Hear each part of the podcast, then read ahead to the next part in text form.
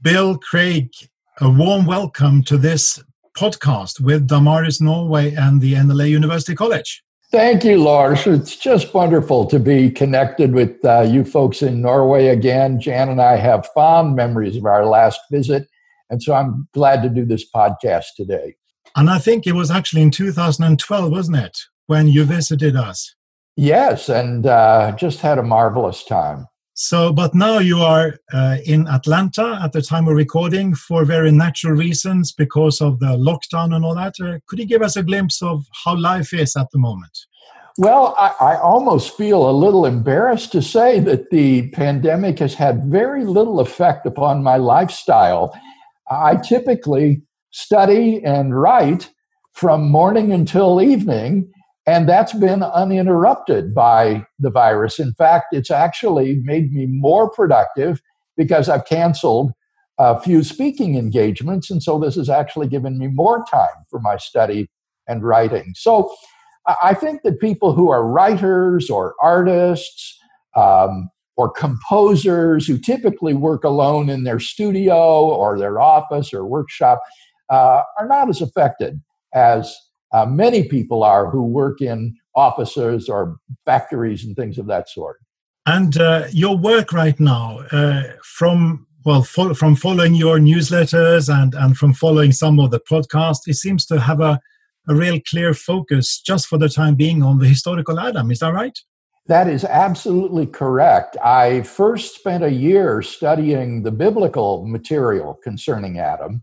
And then over the last year, I have poured myself into the scientific literature about the time of the origin of humanity on this planet with a view toward trying to see when a primordial human founding pair might have lived.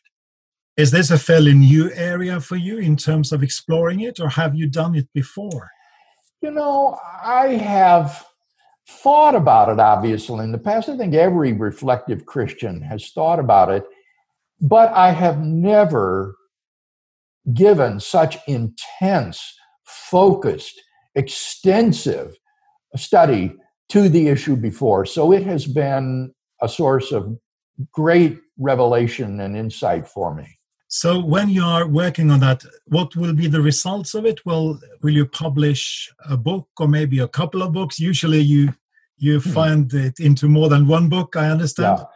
Well, what I plan to do is to publish a book called The Quest of the Historical Adam.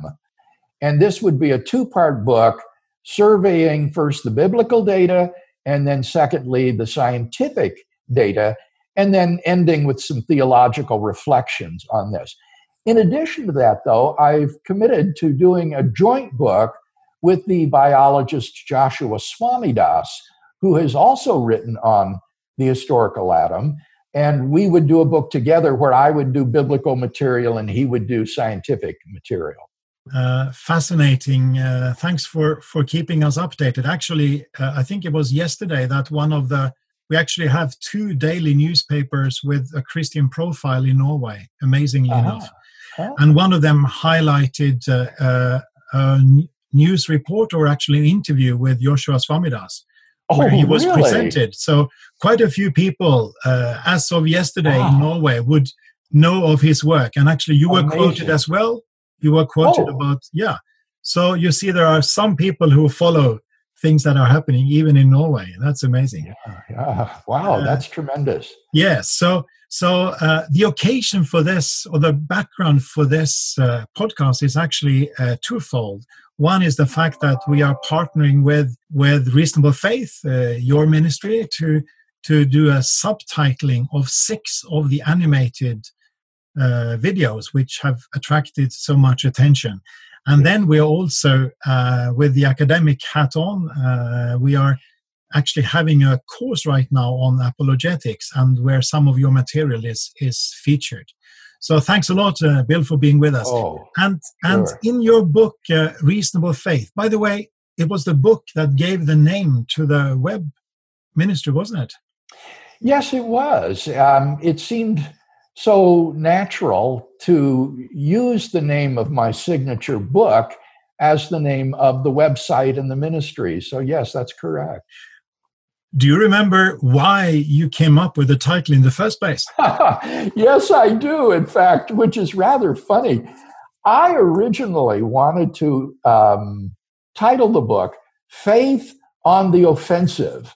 It would be a kind of positive apologetic for the Christian faith. So, so then offensive in in the sense of you know, like a football team going. Exactly. The, yes. the problem is there's a difference between being on the offensive and being offensive. That's right. That's right. That's why the publisher didn't like it. and so it was actually the publisher's suggestion that the book be titled Reasonable Faith. And I didn't like it. To me, it was too milk toast. There was no excitement in a title like Reasonable Faith. no, no edge in it, as it were. No yeah. edge. That's right. And yet I guess I didn't appreciate for secularists how radical it is mm-hmm. to assert that faith can be reasonable. Mm-hmm. To many people, it's an oxymoron to talk about reasonable faith. So it turns out there is some edge in the title after all, and I am very, very glad that we adopted it. It seems like a title that that you know re- really uh, doesn't wear off with time. It, it, it Good point. It's solid in a way. So mm. then you actually name the web ministry uh, that grew out of, of your books and your lectures and your debates, uh, Reasonable Faith. When did you actually start the web ministry? I think that it was around about 12 years ago. We recently celebrated our 10th anniversary, and I think that was two or, or at most three years ago. So that would have been when it was founded one of the hats I, I carry is as, is a so-called catalyst for the Lausanne movement uh, in being involved with media engagement. And wow. one of the things we talk about in various contexts is that we are facing the democratization of the media. And I hmm. actually some quite often use reasonable faith as an example. If you go 10 years back, your name was almost uh, only connected with written material, with Yes. Well, of course, lectures, uh, more oral presentations, and teaching in in Talbot or, or, or in other contexts. But but it's fascinating, isn't it, that that what you have experienced is like a almost symbolic of the fact that that today's world is every Christian ministry is becoming a media ministry. Yes, it's amazing during this coronavirus time to illustrate I have done so many interviews on social media because everyone is exploiting the electronic media to get the message out. So, so every church becomes a media ministry. Every Christian yes. organization becomes a media ministry. So, so uh, we have had the privilege of illustrating that in well, in in uh, March, uh, for example, in Uganda and Kenya, and people really get it. And and some of them have heard about your ministry and oh yes of course. Uh, and then of course being led through the web ministry to writ- the written material. I suppose yes. that's something you experience a lot isn't it? Well that's my hope is that people would watch a debate video and be intrigued and then go and begin to read some of the written material which is much more substantive and in depth than the popular presentations on YouTube. So I'm, I'm glad you're saying that it's more substantive because it's actually quite a lot of substance on the website as well when oh, look at it. Yeah. Good. So, good. so in your introduction to to uh, the, I mean, the standard textbook, Reasonable Faith, you actually have an, a definition of apologetics. Let me quote: hmm. In addition to serving, like the rest of theology in general, as an expression of loving God with all our minds, apologetics specifically serves to show, and then you continue with three different facets. But let us start with the first aspect there serving, like the rest of theology in general, as an expression of loving God with all our minds. Hmm. You have actually committed your life to, to that part of Christian ministry, the intellectual part. Yes. Bill, if I may ask, uh, sort of on a personal note, before we you know plunge into the the actual arguments what does it mean for you to love god with with your mind? I love the christian system as a system.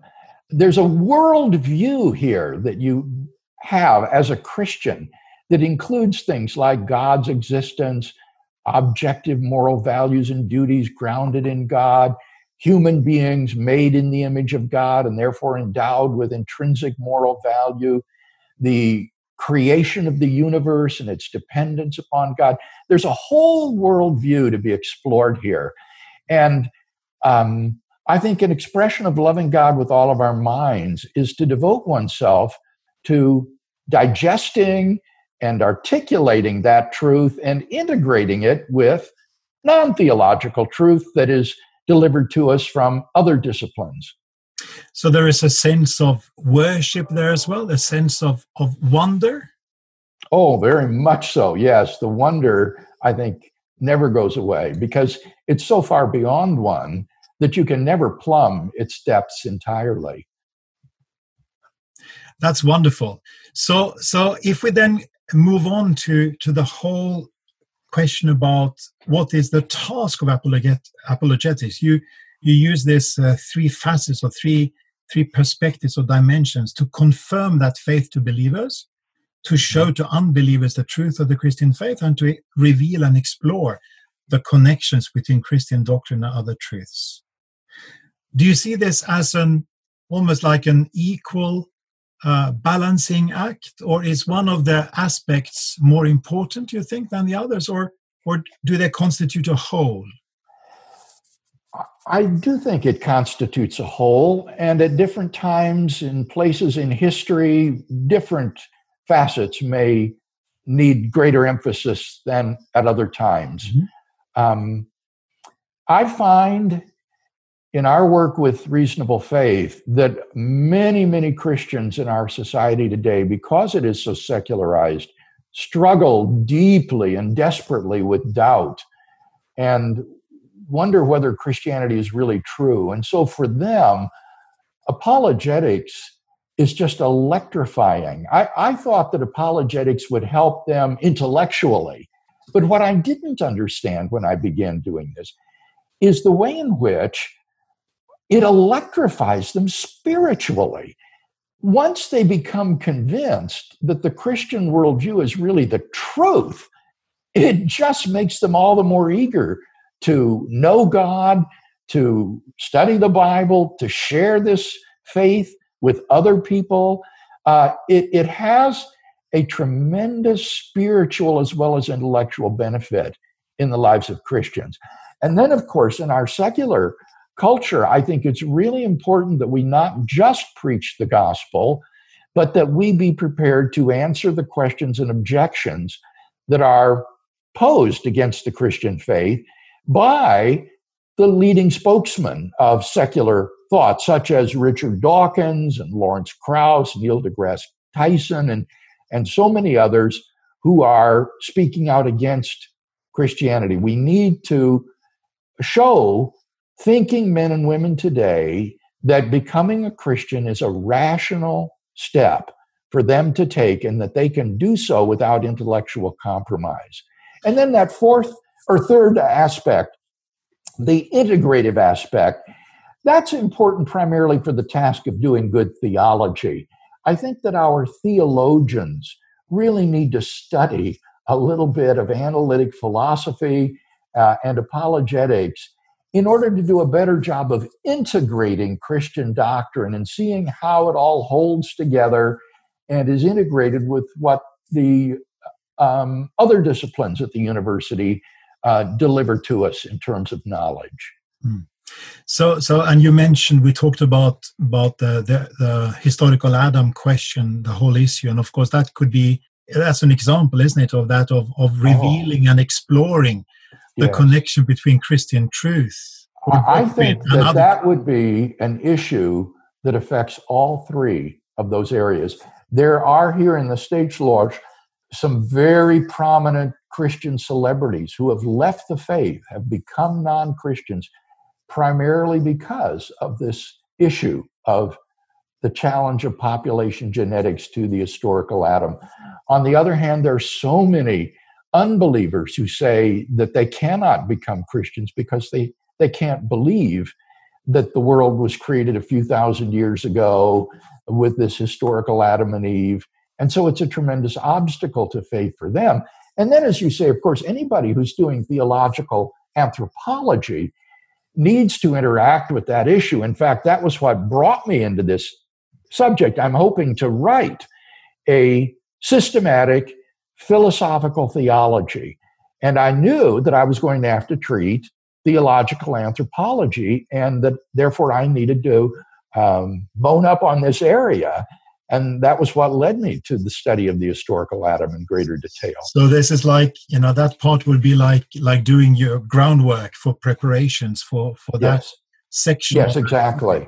Yeah. I, I did the same thing with the atonement a couple of years ago. I knew I would need to be writing on the atonement as part of the doctrine of salvation um, and the doctrine of Christ, the work of Christ. And I knew that I, there were tremendous objections to the atonement uh, today, even among Christian theologians, that hadn't been adequately addressed. And so I spent a couple of years studying full time the doctrine of the atonement with a view toward giving a robust defense of the Reformation doctrine of substitutionary atonement. And that was a wonderful experience for me. And as you say, was laying the groundwork for this later philosophical theology.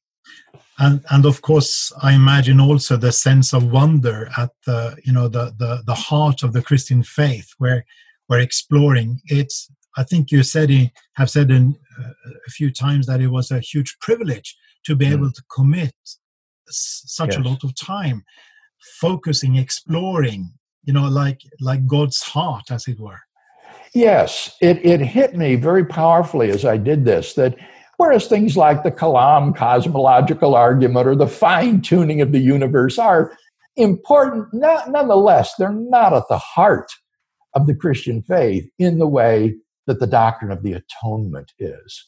And so to do this study was very meaningful to me precisely because it was the heart of Christian theology. In your recent uh, newsletter, Bill, you refer to a, a, recent visit to Denmark, our neighboring country, just south yes. of where, where, I live. Uh, oh, and, uh, and uh, just a ferry across, and then we are in Denmark. Well, we are we can't travel there now, of course, but but uh, hopefully shortly. Mm. And and uh, you you mentioned something about in the newsletter about the possibility of actually integrating the, the about the atonement into the theme of uh, philosophy of time. Yes, that was unexpected. the The conference in Denmark at the University of Aalborg was sponsored by uh, Peter Øhrstrøm, who is a fine Christian Danish philosopher who is very interested in philosophy of time. This is his uh, bread and butter issue, so to speak. And since I was working on the atonement, he wanted me to try to see if there was any relevance of it to the philosophy of time. And to my surprise, it turns out that there is. Um, and it has to do with the issue of whether or not a divine pardon serves to expunge our guilt. Um, and I think that it does. I, I think it shows that guilt is just a property which can be temporarily possessed, but then can be expunged through a divine pardon. So that even though I was once guilty in the past, I am not guilty now. And so the relevance of time and tense to this question is one that is important and has even been recognized by the courts in decisions related to pardon and the effect of pardon upon guilt. If we now take a couple of steps back and moving from the heart of the Christian faith to the question about is there a God, mm-hmm. uh, the existence of God, uh, and then of course the the the occasion for this podcast we I said a, a few minutes ago was is is the the fact that we are subtitling into Norwegian uh, the the uh, animated videos, and there are I think is it 11, 12, 13 or something at the moment.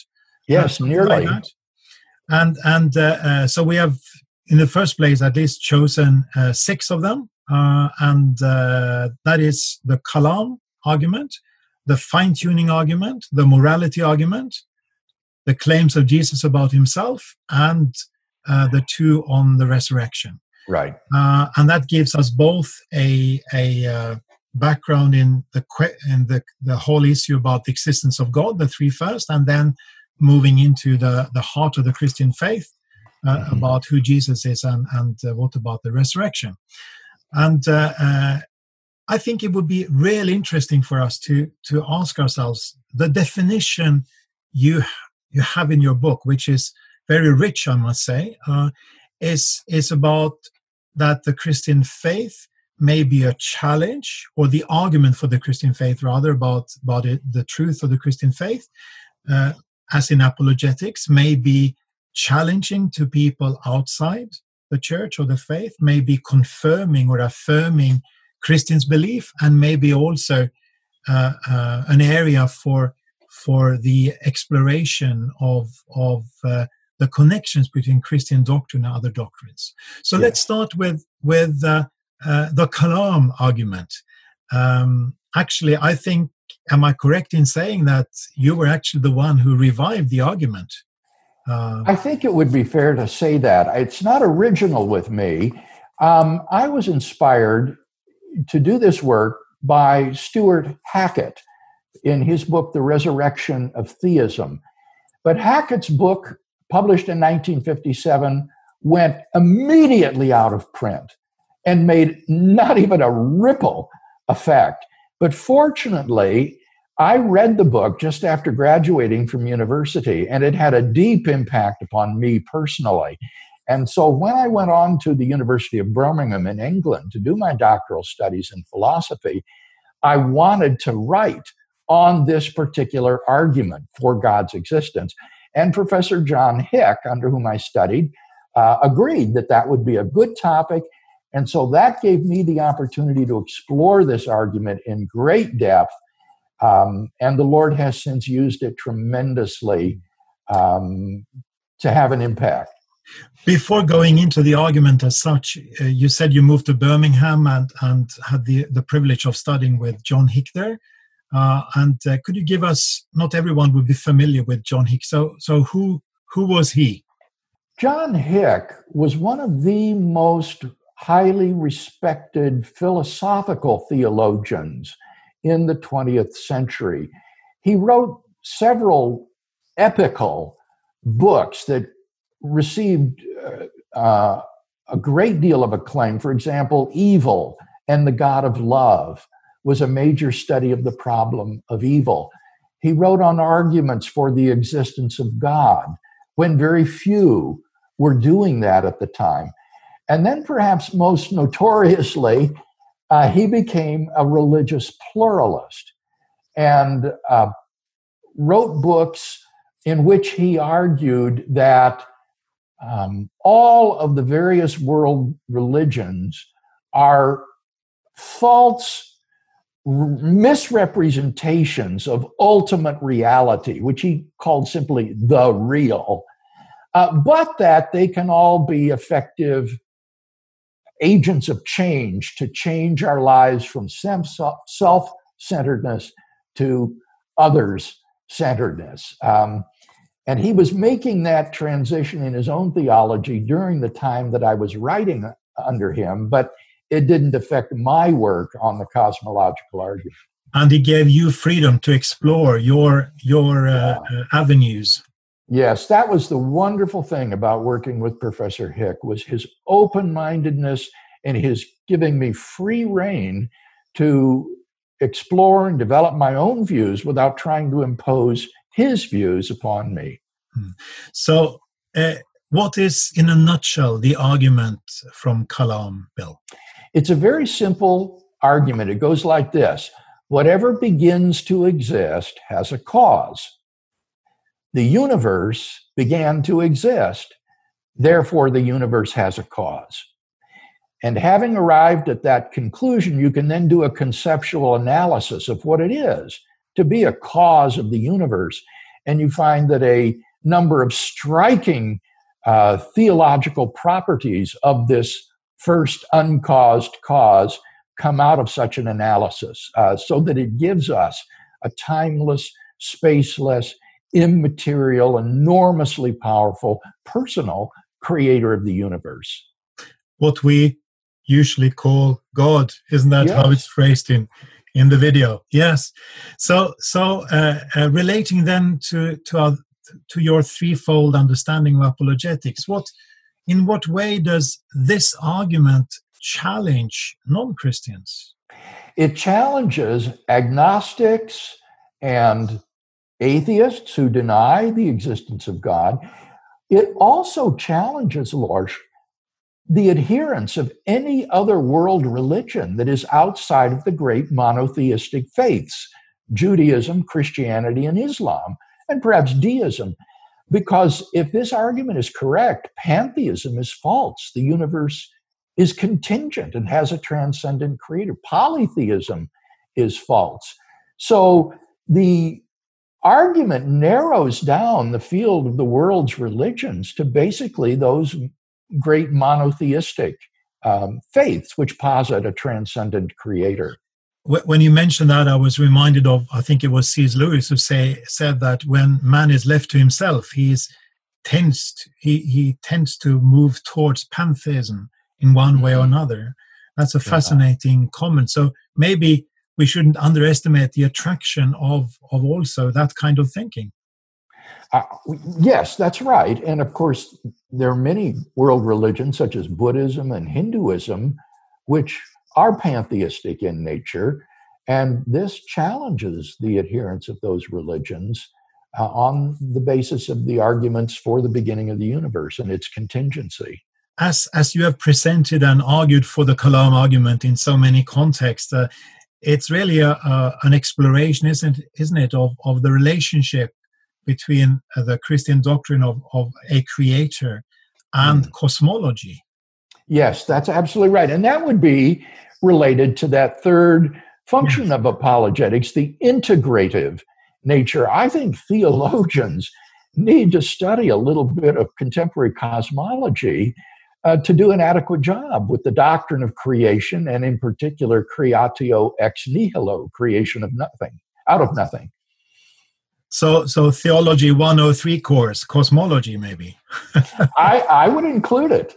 And yeah. when I teach my uh, survey of Christian doctrine in my Sunday school class at our church, we spend a good deal of time talking about cosmology and creation. So, uh, and and uh, then going finally to the second dimension about how the Kalam argument may function in, in relationship to Christians.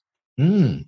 Well, of course, so many Christians have been told that modern science is incompatible with traditional Christian belief. And when they learn that the Christian doctrine of creation is right in line with the standard model of contemporary cosmology and astrophysics, this is a huge revelation to them and a tremendous confidence booster. So I, I like to explain to people that contemporary physics is very open and sympathetic to the idea of a cosmic creator and designer. So in a way, we are opening up to an exploration of reality from from saying that the Christian faith is open towards uh, towards reality and actually affirms reality as it is. yes, and in that sense, the Christian can be much more open minded to follow the evidence where it leads than, say, the determined naturalist who cannot accept the idea of the beginning of the universe because he has no cause to bring it into existence. And so his naturalism will actually be an impediment to good scientific work on cosmogony. And now I understand that the, the Kalam argument is being discussed uh, in so many contexts today, actually, both theological and philosophical. Isn't that right? Yes, and scientific. Uh, I can point you to articles in physics journals where this is um, discussed. So, in a multiplicity of contexts, the, the argument is penetrating and having an influence. Well, it's wonderful just to get that overview. And of course, we could have spent the rest of the time going just into that argument, but we need to move on, I'm afraid, to sure. the fine tuning argument. And, and it seems as if even people with a very aggressive attitude towards the Christian faith talk about apparent design or yes. the appearance of fine tuning, like someone like Richard Dawkins, for example. Yes, so, that's right. So, so, and, and the other observation is interesting that even though people may Christians within, let's say, conservative or, or, or more classical Christian circles would would disagree on on on evolution, for example, would disagree on on on whether this you can can uh, intelligent design is is is possible mm-hmm. to detect on a lower level. Uh, it seems that people many Christians can agree on the overall fine tuning of the universe at the macro level. Yes, that's right, Lars. It's important that your um, listeners understand that this argument does not concern the origin of biological complexity on this planet. Rather, this argument goes right back to the very beginning of the universe and shows that in order for intelligent life to exist anywhere in the cosmos, the Big Bang itself, from the moment of its inception, needs to be incomprehensibly fine tuned for the existence of embodied intelligent life. So, to take your example of Richard Dawkins in his book, The God Delusion, he uses biological evolution to explain away the appearance of biological design. But he admits that science has no plausible explanation for the fine tuning of the universe, which physics uncovers. Fascinating to, to reflect on this together, Bill. And I think I seem to recall that in the debate between Richard Dawkins and John Lennox, the famous Alabama debate, uh, I, I, think, or maybe there or another place, Dawkins talk about that cosmology is waiting for its Darwin. Yes, yes, that's right. Uh, he admits it that the, he hasn't come along yet. There isn't a robust explanation. For this fine tuning. And you see, the problem is because these uh, fundamental constants and quantities that are so finely tuned are initial conditions that can't be explained as a result of a process of evolution over time. So, uh, if you would phrase the, the fine tuning argument uh, in, in a brief way, how would you do that? Very simply, the fine tuning of the universe is due to either physical necessity, chance, or design. It is not due to physical necessity or to chance, therefore, it is due to design. So, if the premises of these are, this argument are, are true, it gives you a cosmic designer. Well, that's very simply put, Bill. Yes, and so the, the heart of the argument will be that second premise where you offer criticisms of the hypothesis of physical necessity and there's someone like Dawkins is very candid. He says you can't explain it plausibly as saying it had to be that way. You could have had different values for these parameters. So Dawkins, on scientific grounds, not religious grounds, rejects the explanation of physical necessity. As for the hypothesis of chance, well, there, uh, someone like Roger Penrose um, offers scientific reasons for thinking that you cannot explain the fine tuning by appealing to some sort of a multiverse hypothesis of randomly ordered worlds uh, in which our world would appear simply by chance. So, what you have here are two uh, secular thinkers who each rejects one of the two explanations um, that is a competitor to design based on purely scientific reasoning. Uh, and that leaves design then as the best explanation of the fine tuning.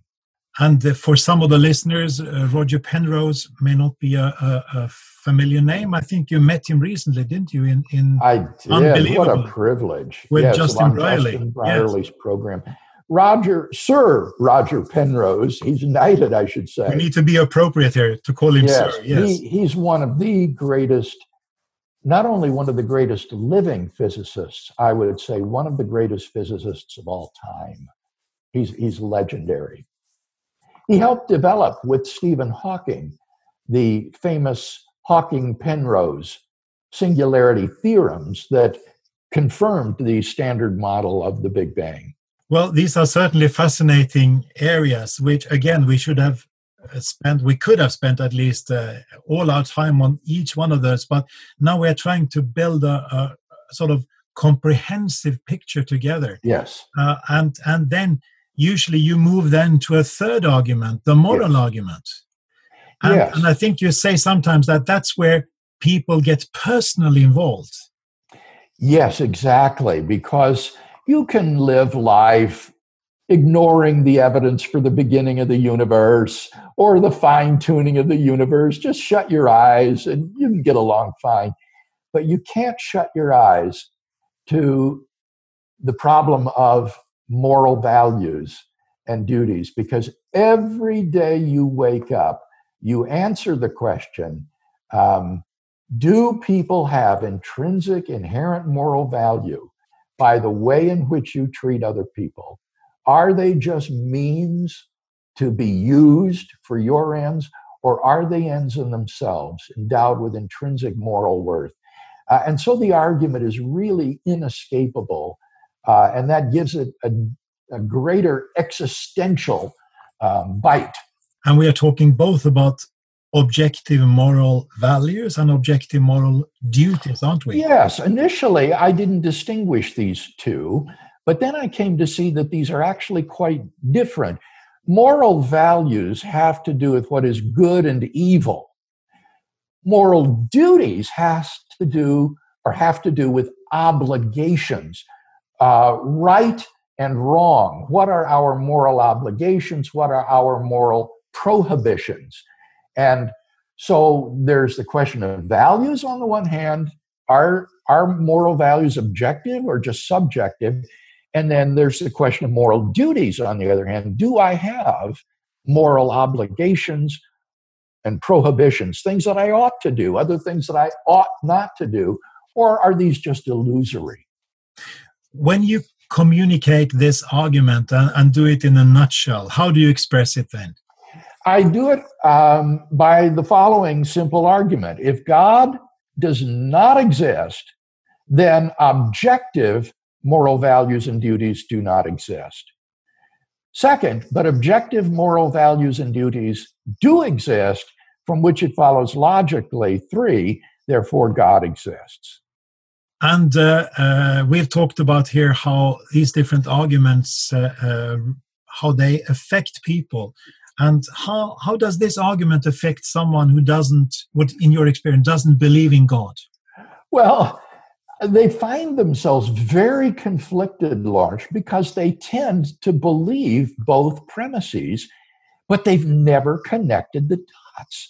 They've never put it together. So, for example, if you uh, say to someone, um, if God does not exist, objective moral values and duties do not exist. Uh, if there is no God, there's no absolute and objective standard of good and evil, right and wrong. Moral values are just the subjective spin offs of the biological and social evolutionary process. And they'll tend to agree with that, but they'll say, well, but, but uh, maybe there aren't any objective moral values and duties then. And then you move to the second premise and say, well, um, don't you think it's wrong to be a racist? Don't you think it's wrong to be homophobic? And you just ask questions, and very quickly, 98% of people will say, well, yeah, I guess that um, there are objective moral values and duties after all, but these don't come from God. And then you go back to the first premise and say, but if God does not exist, then there aren't any objective moral values. And, and you go back and forth between these two premises, trying to help people put, the, put it together and see that the values and the duties that they really do believe in and hold to actually imply the existence of God. So, in a way, there is a, a, a, tension, deep tension between what one claims to be true and the moral mm-hmm. intu- intuitions one one has. As, yes, I, I find who doesn't believe in God. Yes, students will give lip service to relativism. That is, say they'll agree with the first premise, But if you talk to students, it becomes very evident that they are deeply committed to certain values. For example, the value of tolerance. Uh, they think it's objectively wrong to impose your values on someone else. So they are moral objectivists, moral realists. They believe in the value of love, of open mindedness, of treating other people with respect and equal dignity, uh, so that they, they really do have a deep moral commitment, uh, even though they'll give lip service to relativism. To, to your experience, Bill, from presenting this in so many different contexts, uh, what is the reaction of Christians to this? I find that Christians really resonate with this argument. They will typically raise some of the same objections. I think a very common objection is well, couldn't moral values and duties just be the result of biological evolution and social conditioning? I think that's the one you hear most often.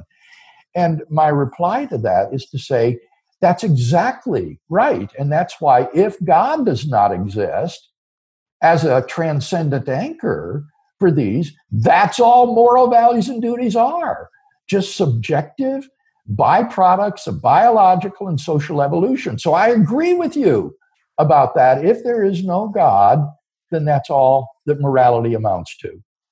You use the expression transcendent anchor. Yes, that's a that's a lovely expression. It, it mm. sort of indicates that that the the anchorage is outside of ourselves. Right. We need something that will transcend uh, society and history so as to give us a, a viewpoint that is valid universally and objectively. If you don't have that transcendent anchor, then you are lost in sociocultural relativism. Every culture and society has its own values, and none can claim that its values are, are true and objective and everyone else is wrong in terms of the the the whole area of morality uh, i mean that's definitely an area where where a lot of people whether people are religious or christians within that category of religious or not or, or very secular people are concerned about ethics and are oh, concerned yeah. about morality so how do you think we as christians can can ex- thinking again about this third dimension of apologetics you know revealing and exploring the the areas here the connections between the christian doctrine which we have talked about now and and the whole area of morality.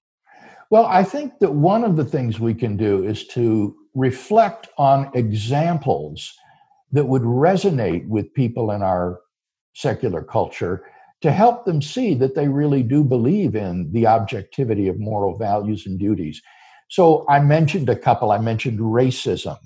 I mentioned homophobia. These are very sensitive spots. Uh, and, and virtually everyone will want to say that it's morally wrong to discriminate against another person because of his skin color or sexual uh, orientation.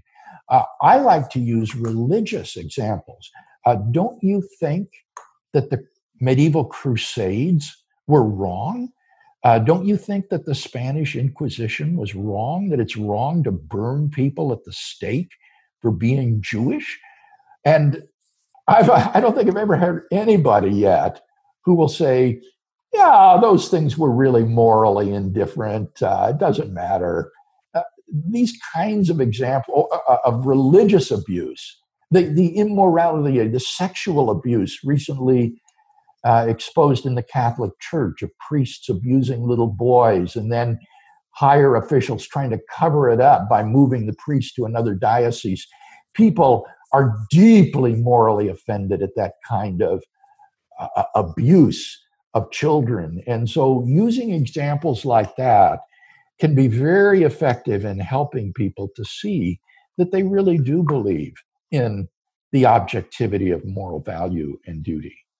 So what I'm hearing from you also, Bill, it seems to me that that we shouldn't be afraid of of admitting that the church as a sort of collective body has also committed things that are morally wrong and even morally uh, appalling. Is that right? Yes, yes I think that's right.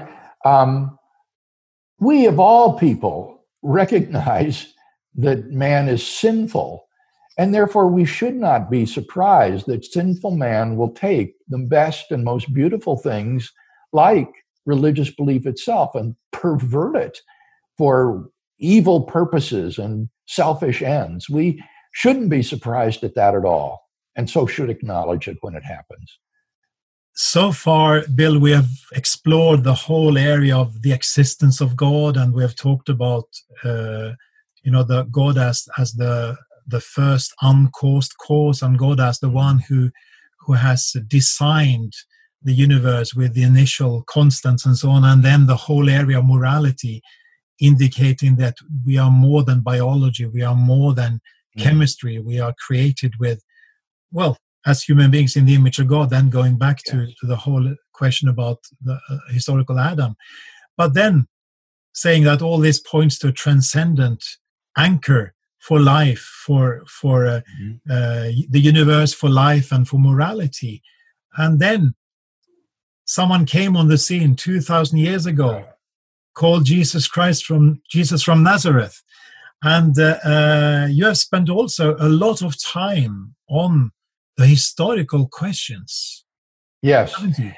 After my doctoral work in philosophy at the University of Birmingham, I received a fellowship from the Alexander von Humboldt Foundation to study in Germany for two years under Wolfhart Pannenberg, um, working on the historical credibility of the resurrection of Jesus.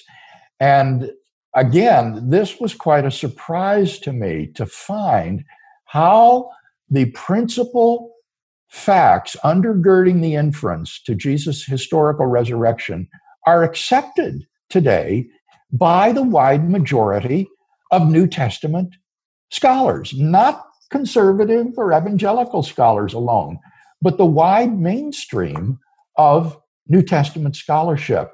So that a very plausible case can be made for God's self revelation in Jesus of Nazareth. The arguments that we've discussed so far give us a transcendent personal creator and designer of the universe who is the locus of absolute goodness.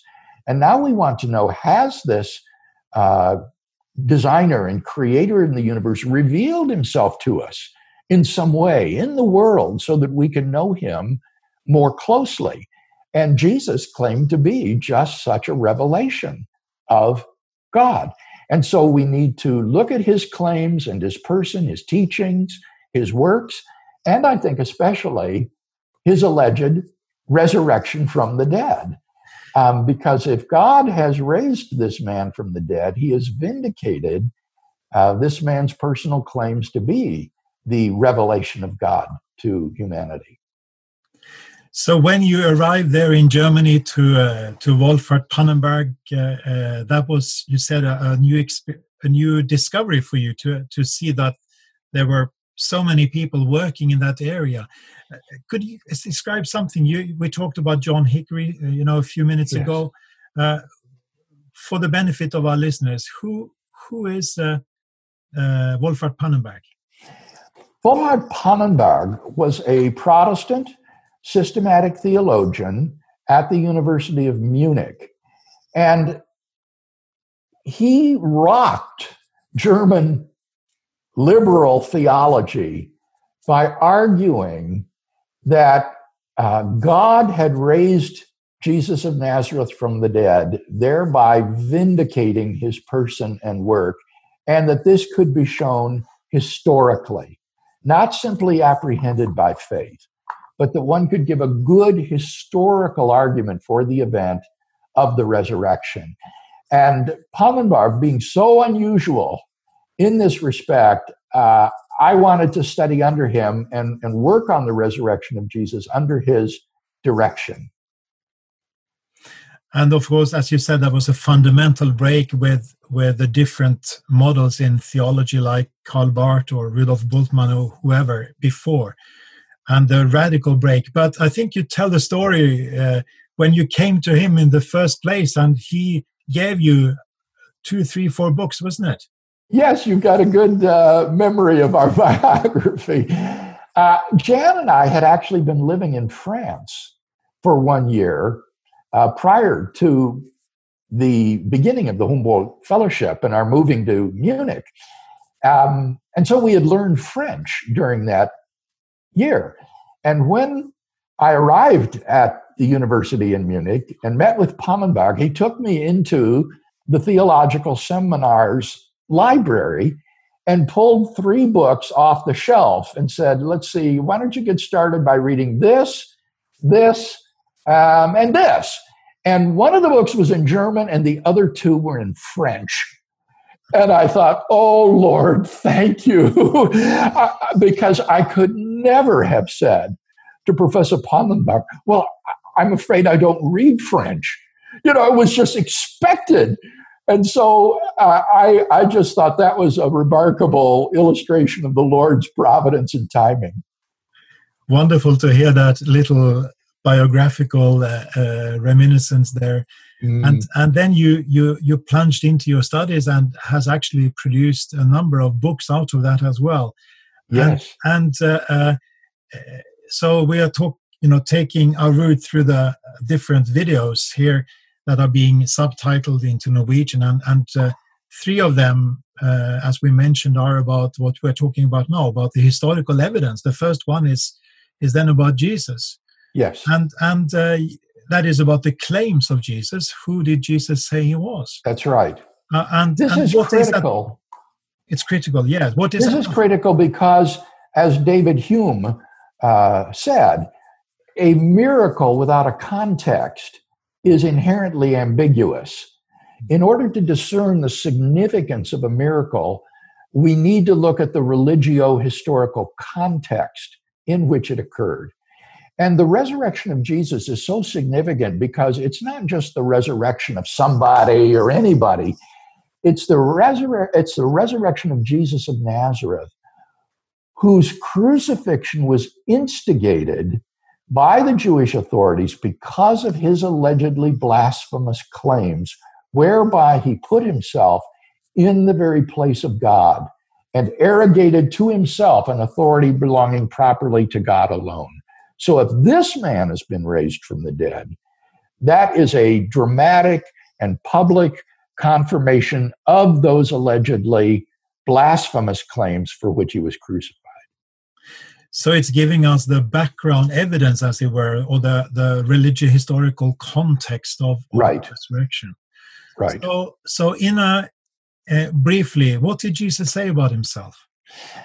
What I tried to show is that Jesus claimed to be the Jewish Messiah, that is to say, the long awaited King of Israel who would establish the throne of David in Jerusalem and establish his kingdom and rule, that he believed that he was um, the Son of God in a unique sense that set him apart from Jewish kings or holy men and that he believed that he was the divine human son of man prophesied in the Old Testament by the prophet Daniel, to whom all judgment and authority on earth would be given. Uh, and all three of those titles come together in the trial scene before the Sanhedrin um, in the Gospels, where Jesus claims to be the Messiah, the Son of Man, um, and the Son of God. So it's like a composite composite picture coming together of the various facets there, isn't it? Yes, and those just concern the so-called titles that Jesus claimed. In addition to that, there is a kind of implicit Christology in his claim to do miracles, to perform exorcisms and control the demonic uh, authorities, uh, in his revising the Old Testament law in his own authority. Um, it is claimed to forgive sins. There, there's an implicit Christology as well in all of those activities and claims that augment what the titles themselves uh, imply. So, in a way, uh, you know, we are talking about sometimes that all the all the roads lead to Rome, in this case, all the roads lead to to to who Jesus is and the resurrection. Yeah, that's right. Mm. So when when you are presenting uh, uh, these uh, claims of Jesus, the, the explicit and the implicit, how, how, do people react? You know, in a way, it's it's mm. interesting, isn't it? It seems to me that many people want to be on the side of Jesus. People, mm. very few people have a very antagonistic view of Jesus. It seems, but it's True. so. So how how do people then let's say outside the church, non-Christians, how do they relate to the kind of evidence you present? Because it's challenging, isn't it? Because Jesus is not just a good man, a moral teacher, but it's much more than it includes that, but it's much more than that. Yeah, I'm afraid that I have not had much by way of response to the points that we've just been discussing on the claims of Christ. People will respond to arguments about the resurrection of Jesus. But um, frankly, I haven't received much pushback or uh, response to the claims uh, that Jesus made. What do you think the reason could be for that? Well, one reason may be, Lars, that in these presentations that I give on a university campus, it's so brief that one can't go into much detail on this. And so I do tend to focus on the evidence for the resurrection rather than the claims that Jesus made himself. So, in all fairness, they haven't been the focus of my lectures. But then, in addition, I think that the non Christian student is just so unfamiliar with the Gospels. He's probably never read them, that he just has no idea of what Jesus said and did uh, or any basis for questioning it. He is just he just draws a blank. I think at that point. Mm, yeah, and maybe then compared to the resurrection, it's so it feels so absurd to believe for many people that someone rose from the dead that it's mm. easy to mobilize maybe objections to that is that could that be true yes i think that's right because that's miraculous there's no miracle involved in somebody making extraordinary claims anybody can make false or exaggerated claims, right? But to rise from the dead, well, that would be a miracle. And so you have easy slogans that are offered in response, like extraordinary events require extraordinary evidence. And the evidence just isn't extraordinary enough to justify belief in the resurrection. And that excuses them from their, uh, for their intellectual laziness and they're ignoring what evidence there is. Uh, so when we are talking about Christians' response, then on responses on the other hand, uh, oh, how do people respond to both to the claims of Jesus and to the resurrection? Well, I find that Christians find this often eye-opening. That they will say, I, I never realized that the evidence is this good," and so there is a very positive um, reaction to these sorts of historical apologetics. I, I, think Christians understand that here you're talking about, the, again, the very heart of their faith. Um, arguments for the existence of God could be equally offered by a Muslim or a Jew. But when you get to the claims and resurrection of Jesus, this is Christianity exclusively. And so Christians, I think, really resonate with this. And so I think you'll find among popular level Christian apologists like Lee Strobel, Frank Turek, J. Warner Wallace, uh, and, and many others that um, appeal to the evidence for the resurrection will be part and parcel of what they usually do. And, and, could that also be related to the fact that death is something we are all ah. facing? you know and and there is so there's an existential element to this as well that in fact the resurrection connects you know it connects with evidence with historical yeah. exploration but also with a very deep existential reality doesn't it? Yes. And this is the way i present it in my books. When i have more time than i do in a lecture i begin by talking about the human predicament of a life doomed to end in death and personal extinction, and how that puts a question mark behind everything that one lives for. Um, and how the resurrection of Jesus then provides an answer to the human predicament by offering eternal life. I can recall actually uh, listening to, I think uh, it must be many years ago when you were in Gothenburg, I think. And uh, yes. I listened to, I think it was a one hour presentation by you on the resurrection, which really was in a way very powerful because it was, you know, you, you, you commanded the material in a way that, that you were able to, to, to, to communicate freely to us. and I think you communicated something very uh, you know something very deeply meaningful that this is not just a theory that we are sharing but it's a deep conviction. Yeah. Uh, and and is do you come across that kind of response from christians that i just shared from my own experience i think so. I i, I find that christians really resonate with this and adopt it readily. One doesn't find um, much pushback here or reluctance. Um, theologians might say, well, uh, the attempt to appeal to evidence is contrary to the nature of faith, which is always a risk. Um, and can't be guided by evidence or reason. But I don't find lay people taking that line. I, I find lay people appreciate the evidence, resonate with it, and go with it enthusiastically. Well, wonderful to hear that. And we are actually uh, almost uh, towards the end of our walk together, this time at least. And, and it seems to me that we are now, we have been talking about an overall picture of, you mentioned before we started with referring to the videos about the Christian worldview being yes. a, a, a, you know, something very, uh, it's comprehensive, it's coherent, uh, and it's uh, compelling. Uh, yes. I think you're absolutely right. I, I, mean, just look at the truths that we've discussed today.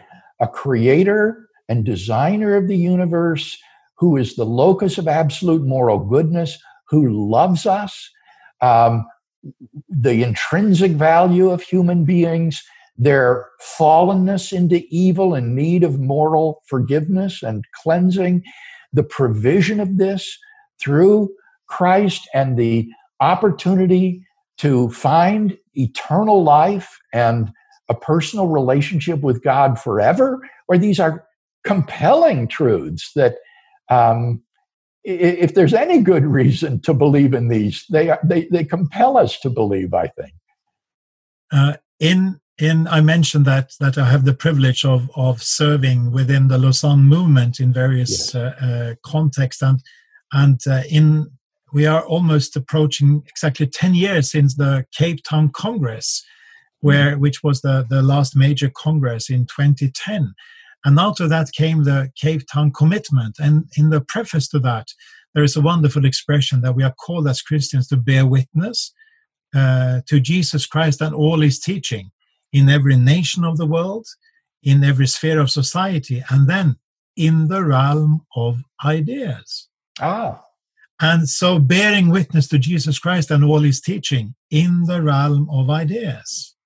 And that relates to something I briefly touched on uh, on in our conversation or email exchange before that there is many Christians today seem to experience this uh, this tension between what they have if they had grown up in a Christian home or at least been been been uh, uh, taught in within a, a, church, and then they encounter so many claims mm-hmm. outside mm.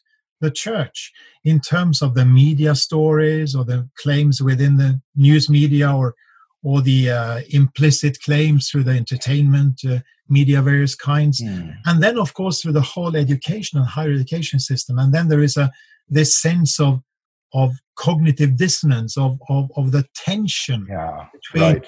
the, the claims of the Christian faith and, and their own experience. Uh, I think what we have shared together is, is really a way forward, isn't it? To explore the claims of the Christian faith, of the Christian worldview with open eyes, and there yes. is nothing to fear. Right. So as to resolve that cognitive dissonance. In fact, I want to go on the offensive. I want to cause cognitive dissonance for secularists and non believing students to uh, put some dissonance into their uncritically accepted worldview by presenting arguments and evidence that suggest that something's not right and needs to be resolved. That's right. So there is this uh, double meaning of, of or double approach there. Uh, mm. And and uh, uh, it seems to me that we have covered a lot of ground, and we could have continued for another hour, but we don't have time for that. Uh, so I would like to express uh, thanks and our gratitude to you, Bill, for joining us today. And we do hope that our videos, well, I'm calling it our videos now, yes. the the subtitle videos that we were partnered with to to subtitle in, into Norwegian. Uh, that they will really be uh, efficient also in a Norwegian context to to uh, portray this each piece of the jigsaw puzzle, and together they make a compelling picture of, of the Christian faith. Is there anything yes. finally you would like to share with the Norwegian listeners? If well, I just want to say that uh, I want to tell um, your listeners that Jan and I stand shoulder to shoulder with the Norwegian Church and with the Christians there in uh, their efforts to defend and to spread the gospel. We are so appreciative of uh, the church in Norway and uh, feel partnered with you uh, in our hearts and in our minds. Thank you very much, uh, Bill, and God's blessings, rich blessings on your ministry and as uh, as a couple, and also on your, all your co-workers within the Reasonable Faith Ministry. And thank you thank for you today. And hopefully we'll connect maybe in a year's time and talk about how did things work out. And yes, that's been a bit. Thank you.